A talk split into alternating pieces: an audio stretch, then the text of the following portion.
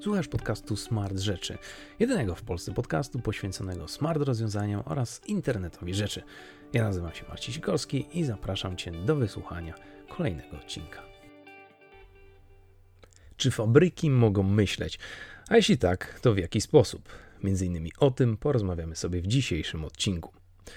Nie sposób mówić o współczesnych fabrykach, firmach oraz przemyśle, nie zaczynając dyskusji od dwóch cytatów pochodzących wprost z ekonomii zrównoważonego rozwoju, a które dobitnie wyjaśniają dwa elementy: ludzką fascynację kroczenia raz utartymi ścieżkami oraz działanie w myśl zasad, które narzucają nam inni.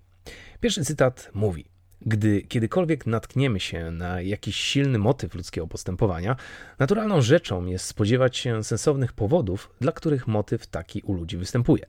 Niemalże bez namysłu wskazać można ogromną liczbę powodów, dla których motyw posłuszeństwa autorytetom jest w ludzkich społeczeństwach tak silny. Wielopoziomowy i szeroko akceptowany system autorytetów daje każdemu społeczeństwu niezmierne zyski. Pozwala na rozwinięcie skomplikowanych systemów produkcji i rozdziału dóbr, obrony, ekspansji i kontroli nad członkami społeczeństwa.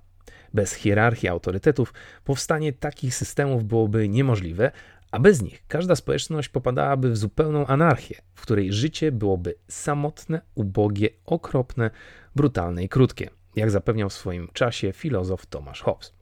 Są też niemalże od dnia narodzin wszyscy jesteśmy pilnie trenowani w posłuszeństwie, wobec autorytetów oraz umacnianie w wierze, że przeciwstawienie się ich jest rzeczą złą. Tym przesłaniem wypełnione są pouczenia naszych rodziców, szkolne wierszyki i piosenki, a w dorosłym już życiu kodeksy prawne, regulaminy wojskowe czy systemy polityczne. W każdym z nich nieodmiennie znajdujemy przykazania posłuszeństwa właściwemu autorytetowi. I drugi cytat. Dlaczego wolimy posługiwać się scenariuszami? To proste. Służą one nie tyle przewidywaniu, co się prawdopodobnie wydarzy, ile badaniu, jakie ścieżki i instrumenty są potrzebne, aby osiągnąć cele. Wyróżnia się scenariusze statusu quo, opisujące rozwój bez dodatkowych ingerencji, scenariusze efektywności, opisujące rozwój w wypadku forsowania strategii efektywności i scenariusze zrównoważonego rozwoju, w których znajdują zastosowanie wszystkie trzy strategie, to znaczy efektywność, spójność i wystarczalność. Dlaczego rozpoczynam przemyślenie dotyczące inteligentnych fabryk właśnie od tych cytatów? Ano dlatego, że często spotykam się ze swego rodzaju oporem i silną niechęcią ze strony wielu osób, które usilnie twierdzą, że nowoczesne rozwiązania z obszaru internetu rzeczy nie są w stanie w łatwy sposób sprawić, by ich biznes stał się o ironię inteligentny.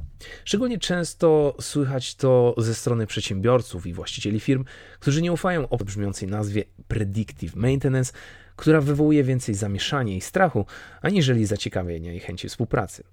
No właśnie, ale czym jest wspomniany predictive maintenance i dlaczego miałby nagle sprawić, że fabryka stanie się myśląca? Pod pojęciem tym kryje się tak naprawdę prosta idea jak najwcześniejsze wykrywanie możliwych usterek do wystąpienia, po to, by móc reagować maksymalnie wcześnie i na etapie, na którym naprawa jest maksymalnie tania. Monitorujemy wydajność i stan urządzeń oraz systemów, by lepiej zrozumieć, co dzieje się wokół nas i reagujemy dostatecznie wcześnie. Tylko tyle i zarazem aż tyle. Widzisz, żebyśmy mieli jasność, nie chodzi tu tak naprawdę o zapobieganie, do czego jeszcze wrócę, ale raczej wykrywanie potencjalnych nieprawidłowości, które występują ze sprzętem, którego aktualnie używamy. Zrozumienie środowiska, uczenie się, wyciąganie wniosków i reagowanie. W jaki sposób możemy jednak tego dokonać? I jak możemy zaadaptować ten cały predictive maintenance? Na naszej dyspozycji mamy całe spektrum technologii i technik, które możemy obecnie wykorzystywać. Jednym z popularniejszych rozwiązań jest stosowanie choćby monitorowania wibracji maszyn. Przypinamy sobie sensor do maszyny, która wykonuje pewne zadanie. Może być to maszyna do cięcia stali, wykrawarka, sortownica, niszczarka, cokolwiek, co wibruje i porusza się. Sensor zaczyna uczyć się tego, w jaki sposób maszyna wibruje, i na tej podstawie zaczyna kalkulować pewne wartości. Ile energii dziennie maszyna zużywa na przestoje, ile jest w pełnym ruchu, ile w opadzie, kalibracji, etc., etc. Na tej bazie zaczyna się też uczyć i kalkulować, kiedy może dochodzić do wspomnianych nieprawidłowości. Obluzowanie śrubki, zatarcie, mniejsza przyczepność do stołu. Dla nas mogą być to ułamki sekund różnicy lub setne procenty odchylenia od normy. Natomiast sensor uczy się, że coś jest nie tak i może dać nam znać dużo wcześniej, przez co zareagujemy na etapie wymiany przetartego gwintu, a nie w chwili, gdy maszyna spali się i stanie kompletnie w bezruchu. Innym popularnym rozwiązaniem są maszyny, które stosują kontrolę termograficzną.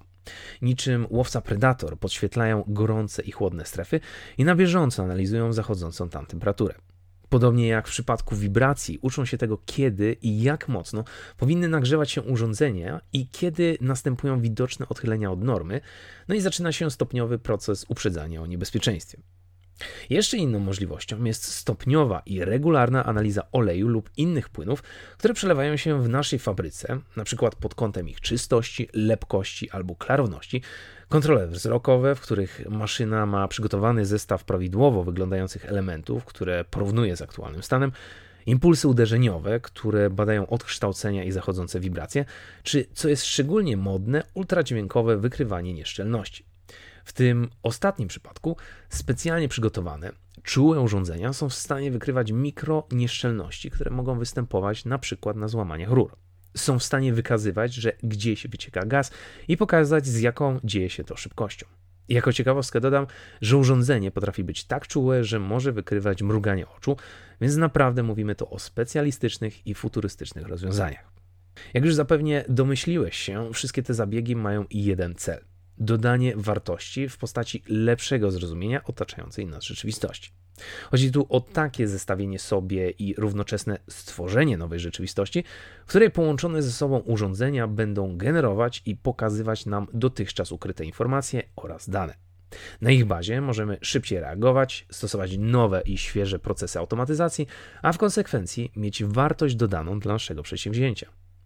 A wartość ta szczególnie widoczna jest w trzech obszarach monitoring i wykrywanie szkodliwych warunków, redukcja kosztownych dysfunkcji i zniszczeń i widoczna poprawa planowanych napraw. Ponieważ jednak do wielu osób przemawiają konkretne liczby, a nie puste slogany, posłużę się teraz danymi z raportu Ford Industrial Revolution, który zbadał kilkaset firm na całym świecie, weryfikując, czy powyższe informacje są prawdą i to w jaki sposób wprowadzenie predictive maintenance zmieniło wskaźniki firm. Wyniki były dość zaskakujące wydajność produkcji wzrosła od 100 do niemalże 200%. Ogólna produktywność firmy poprawiła się od 80 do niemal 160%.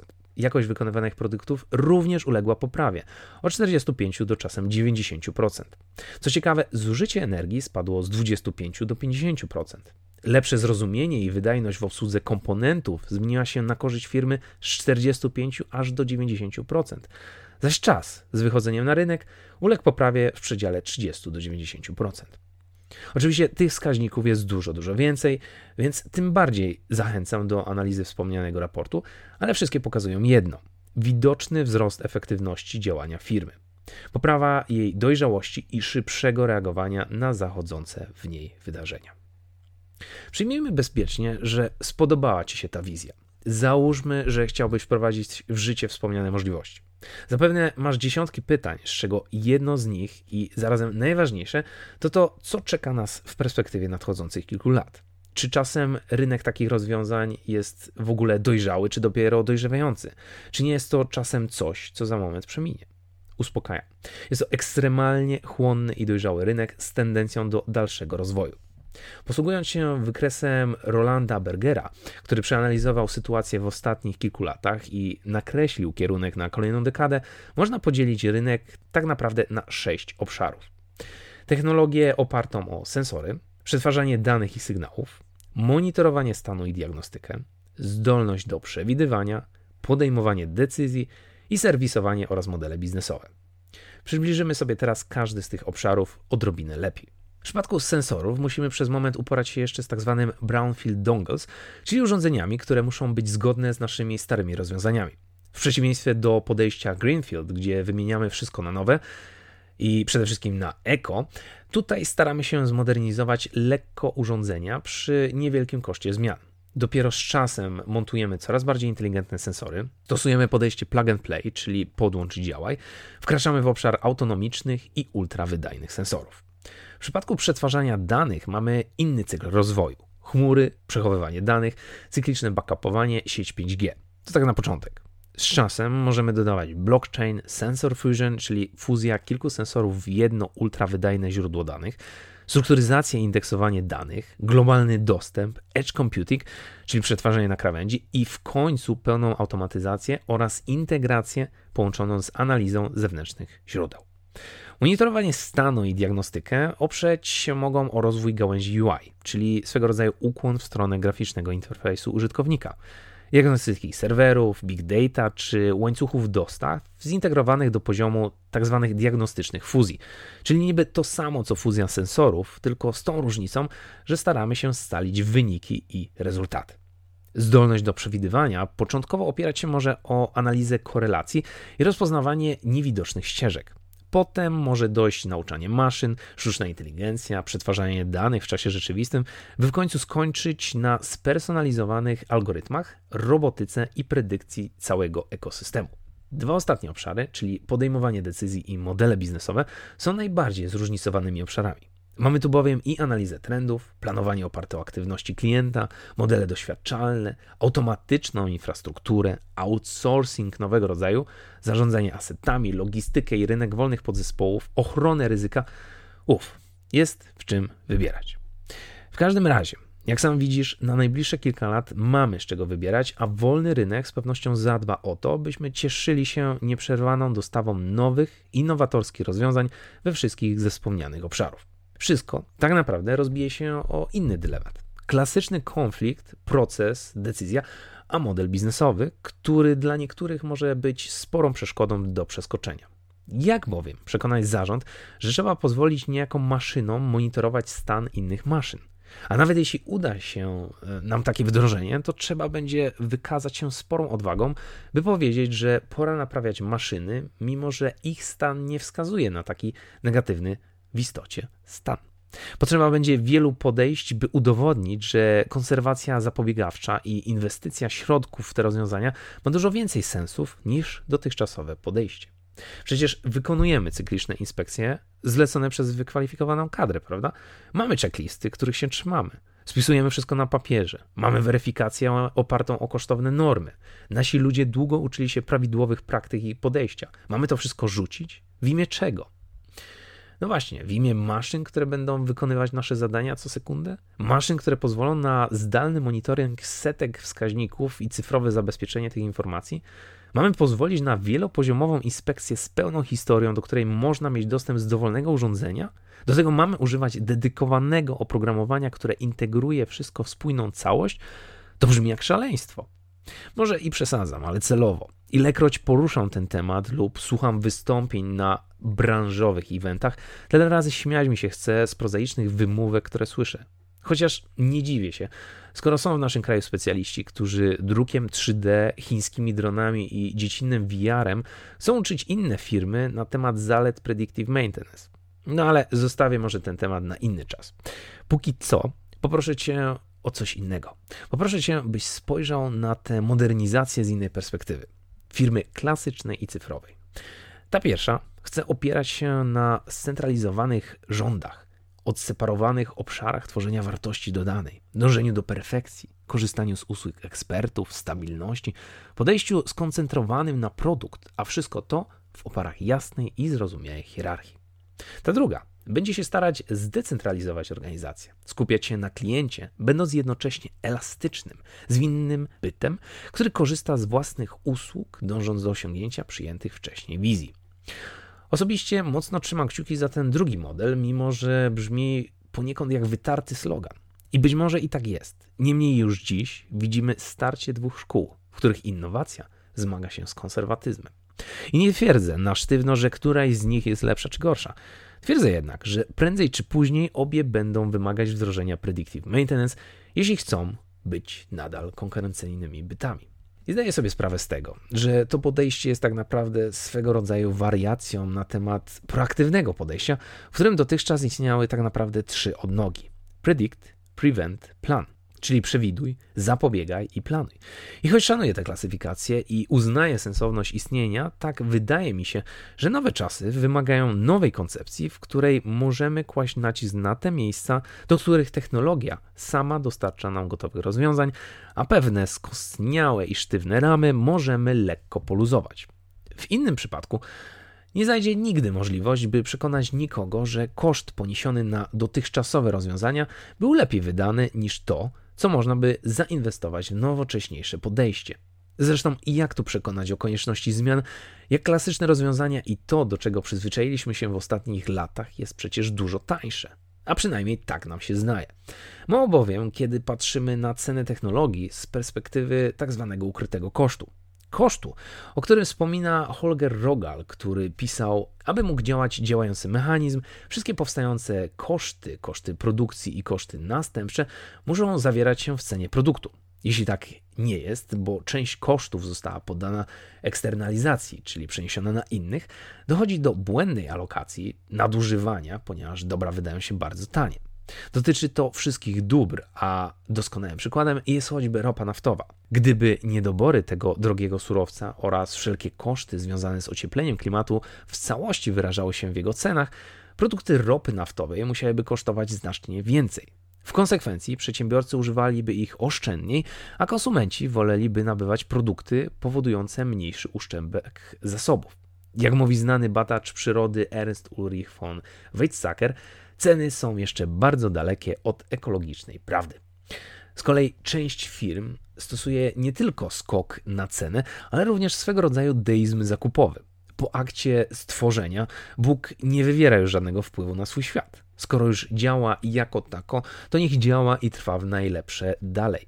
Nie po to inwestowałem w swoje filary sukcesu, czyli ludzi, komponenty, dokumentację, narzędzia, sprzęt, by nagle zmieniać swoje podejście nawet gdyby koniec końców miało być błędne i kosztowne. A przecież dojrzałość można bardzo szybko i sprawnie ocenić, e, odpowiadając na szereg podstawowych pytań. Jak niezawodne są nasze aktywa? Czy nasi technicy mają odpowiednie umiejętności do wykonywania swojej pracy? Czy mamy odpowiednie części zamienne we właściwym miejscu na odpowiedni czas? Czy nasze procesy są dobrze udokumentowane, dostępne oraz przydatne? Czy mamy odpowiednie narzędzia do pracy?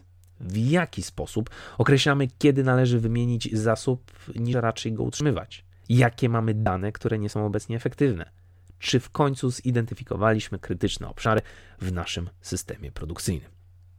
Może warto, tak e, od serca, odpowiedzieć sobie na te pytania i rozważyć nowe sposoby działania żeby maszyna zaczęła myśleć i żeby fabryka zaczęła myśleć za nas, to my musimy wykrzesać tę pierwszą innowacyjną iskierkę oryginalnego i odważnego zarazem pomysłu. Przypomnę bowiem, jak mogą skończyć się ślepe działania oparte o wątłe i niepewne cele. A zrobię to, nakreślając rysopis, a jakże Chin, które w swojej długiej historii na swój specyficzny sposób również z trudem zgadzały się na zmiany uparcie trwały w swych przekonaniach, a coś, co zostanie raz ustalone, miało trwać, bo tak i już. Przewidywanie i obco brzmiące technologie? To niech pozostanie w sferze marzeń. Cytat. O tym, jakie mogą być konsekwencje stałego, intensywnego wzrostu, świadczą zagrożenia w krajach uprzemysłowionych, a zjawisko to widać na przykładzie Chin. Wiceminister środowiska Pan Yue wymienia m.in. następujące problemy. Obszary potrzebne dla rolnictwa i rozbudowy osiedli zmniejszyły się w ciągu ostatnich 50 lat o połowę z powodu zwiększania się powierzchni pustyń i terenów mieszkalnych. Nad jedną trzecią terytorium Chin występują kwaśne deszcze. Połowa wód siedmiu największych rzek jest całkowicie niezdatna do użytku, a jedna czwarta mieszkańców Chin nie ma dostępu do czystej wody pitnej. Jedna trzecia mieszkańców miast musi wdychać mocno zanieczyszczone powietrze. Na przykład w Pekinie 70 do 80% wszystkich śmiertelnych zachorowań na raka jest spowodowane zatruciem środowiska. Rak płuc jest najczęstszą przyczyną śmierci. Ponad 80% odpadów nie podlega utylizacji i obciąża środowisko. Zaś na usuwanie strat spowodowanych dewastacją środowiska trzeba już dzisiaj przeznaczyć od 8 do 15% PKB, a do tego dochodzą ogromne koszty zdrowotne i cierpienie ludzi. UE podsumowuje: Obciążone ekologicznie obszary nie mogą już zapewnić egzystencji swoich mieszkańców. Dlatego musimy w przyszłości przesiedlić około 186 milionów obywateli. Inne chińskie prowincje mogą jednak przyjąć tylko 330 milionów. Chiny będą więc miały ponad 150 milionów ekologicznych migrantów, a może nawet ekologicznych uchodźców. Ja wiem, ja wiem. Klasyczny głos sprzeciwu powie, że przecież fabryka to nie jest kraj i że nie ma to absolutnie żadnego związku z podstawą i postawą tradycjonalisty, który po prostu zabezpiecza swoją firmę przed stratami. Ale właśnie, czy na pewno zabezpiecza i myśli o tym, aby samemu nie stać się takim technologicznym migrantem i uchodźcą? Emil Clow niegdyś rzekł, że każdego dnia i w każdy sposób staje się coraz lepszy i lepszy. Robert Caldini odszczekał, że każdego dnia i w każdy możliwy sposób staje się coraz bardziej i bardziej zajęty. Ja zaś uważam, że każdego dnia i w każdy sposób stajemy się coraz bardziej i bardziej uzależnieni od technologii. Zawsze staram się zachęcać do stosowania i próbowania nowych rozwiązań z prostej przyczyny. Każda zmiana technologiczna zakończona skuteczną adaptacją wiązała się z niewyobrażalnym postępem i sukcesem, który rozlewał się na wiele gałęzi gospodarki. Może zatem i tutaj warto dać sobie szansę. Z drugiej strony, może pokładam zbyt dużą nadzieję w predictive maintenance. Czy może nie jest czasem tak, jak pisał Norman Macre, czyli wydawca brytyjskiego The Economist, który przewidywał w roku 1972 Wygląda więc na to, że otwiera się przed nami perspektywa wkroczenia w wiek, którym każdy niedojda siedzący przy terminalu komputerowym w swoim biurze, laboratorium, bibliotece publicznej, a nawet we własnym domu może przekopać niewyobrażalne góry informacji zawarte w komputerowych bazach danych, dysponując możliwościami obliczeniowymi tysiąckrotnie przekraczającymi to, co osiągalne było kiedykolwiek dla jakiegokolwiek mózgu ludzkiego, nie wyłączając samego Einsteina. Może zatem jestem takim niedojdą, który snuje refleksję o harmonii jedności człowieka i technologii, stawiającym na pierwszym miejscu etykę wartości, w której fundamentem jest holistyczne pojmowanie świata, zaś podstawową wartością jest osiąganie możliwie największego szczęścia w połączeniu z szeroko rozumianym wzrostem oraz optymalizacją życia. A że szczęście to dostrzegam w nowoczesnych technologiach? No cóż, a może jest tak, że staram się być kimś, kto pokazuje, że sukces można osiągnąć realizując trzy ścieżki strategicznego rozwoju: efektywność, spójność i wystarczalność, a o które predictive maintenance dba jak żadna inna metoda. Pamiętajmy na koniec, że tam, gdzie wszyscy myślą tak samo, nikt nie myśli zbyt wiele. A współczesny predictive maintenance nie jest może i złotym środkiem na całe zło świata, ale uwierz mi, niedaleko jest mu do doskonałości. Mam nadzieję, że spodobał Ci się dzisiejszy temat. Jeśli masz jakiekolwiek pytania lub wątpliwości, zapraszam do kontaktu na adres kontakt małpa.smartrzeczy.pl. Po więcej materiałów zapraszam na stronę smartrzeczy.pl, a ja, jak zawsze, zachęcam Cię do wysłuchania kolejnego odcinka. Do usłyszenia.